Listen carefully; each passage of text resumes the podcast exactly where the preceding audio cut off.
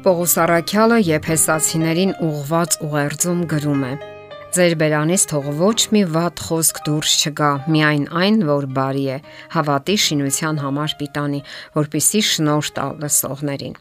Խոսքը Աստվածային ապարքև է, որով օժտված են միայն մարդիկ, եւ միայն մարդիկ են, որ կարողանում են խոսքով ոչնչացնել միմյանց։ Աստված հնարավորություն է տվել մարդուն, որ արտահայտի իր մտքերն ու ցանկությունները, ամենանավիրական երազանքները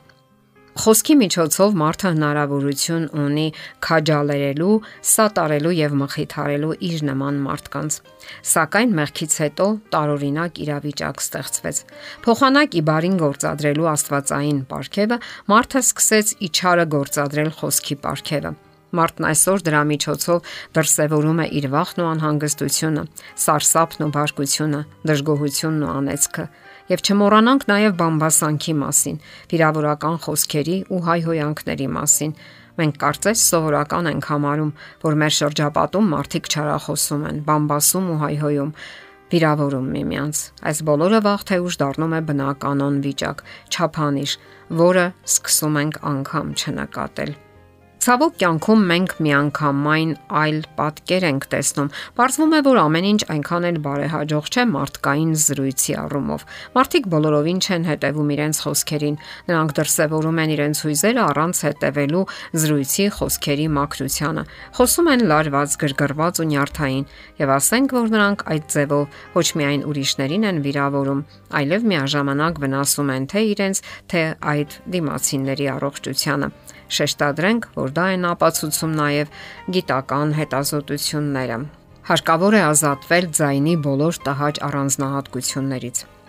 գրգռված խոսքերը վնաս են հասցնում ընտանիքին, քանի որ մեկի գրգռված զրույցը դրթում է մյուսին պատասխանելու այդ նույն ոգով եւ նույն ձևով։ Ծնվում են փոխհատուցման, ինքնարդարացման խոսքերը, որոնք դառնում են ծանր բեռ եւ տաժանակրության վերածում կյանքը, որովհետեւ այդ բոլոր դառը խոսքերը անընդհատ պատտվում են հիշողության մեջ, թունավորելով հոգին։ Իսկ ահա քրիստոնեությունը այլ արժեքներ է ուսուցանում՝ հեզության, խաղաղության հոգի եւ մտածված խոս խոսքեր ու միայն սիրալիրություն։ Մտածել նաև դիմացինի մասին, չվիրավորել նրա զգացմունքները եւ արժանապատվությունը, հասկանալ թե որքան խոր ու նուրբ հույզեր կան յուրաքանչյուր մարդու հոգում եւ որ այդ մարդը կարող է վիրավորվել ու խոցվել, հաճախ էլ մահացու կերպով։ Բարությունը, մեծահոգությունը եւ հարգալից վերաբերմունքը շրջապատի հանդեպ մեզ հսկայական առավելություններ են տալիս, նաեւ գեղեցկացնում են կյանքը եւ թեթևացնում մարդկային հարաբերությունները։ Հարկավոր է արտաբերել միայն գեղեցիկ եւ ողջևորող խոսքեր սատարել մարդկանց վերաբերմունքով եւ դա անել անկեղծ այլ ոչ ձևական ու հերթապահ խոսքերով դա է սովորեցնում քրիստոնեական ուսմունքը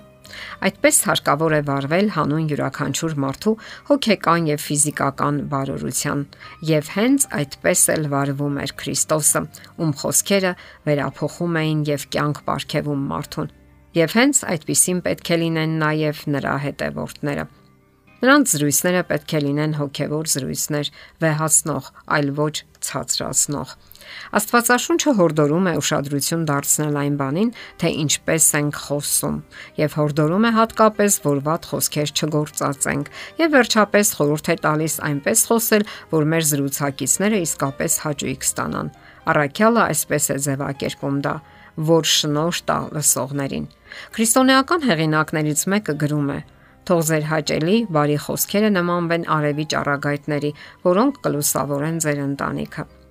Ձեր կողմից դրսևորվող ինքնատիրապետումը, հոգատար վերաբերմունքն ու նախանձախնդիր վերաբերմունքը անթառամ պտուղներ կբերեն։ Մահն ու կյանքը լեզվի իշխանության տակ են։ Որն է հետևությունը։ Հարկավոր է հետևել խոսքին։ Այսօր շրջապատը հեղեղված է կոպիտ, բռի եւ վիրավորական խոսքերի հեղեղով։ Ոչ քիչ դեպքերում սովորական զրույցը վերածվում է տակ վիճաբանության, դարձյալ հեղեղված հայհոյախառան խոսքերով։ Իսկ հայհոյանքները, կոպիտ վիրավորական բառերը, կծող դիտողությունները խորապես վիրավորում են մարդուն եւ երբեմն հանգեցնում բռնարարքների։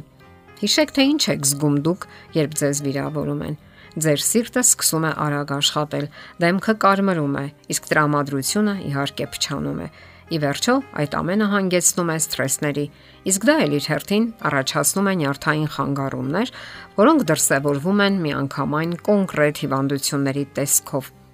Էկզեմա ձեռքերի եւ ոտքերի վրա, ստամոքսի խոց, շատակերություն կամ ընդհակառակ ախորժակի բացակայություն, ընդդուպ մինչև ինսուլտ կամ ինֆարկտ։ Ավարտելով եփեսացիներին ուղված թղթի 4-րդ գլուխը առաքյալ այսպես է ամփոփում իր միտքը եւ մի տրտմեցրեք Աստծո Սուրբ Հոգուն, որով կնքվեցիք փրկության օրվա համար ամեն դառնություն, բարկություն, սրտմտություն, աղաղակ ու հայհոյություն թող վերանա ձեզանից ամբողջ չարությամբ հանդերձ։ Դե ինչ եղեք հոգևոր անznավորություն եւ արտաբերեք միայն հոգևոր խոսքեր, հոգևոր զրույցներ։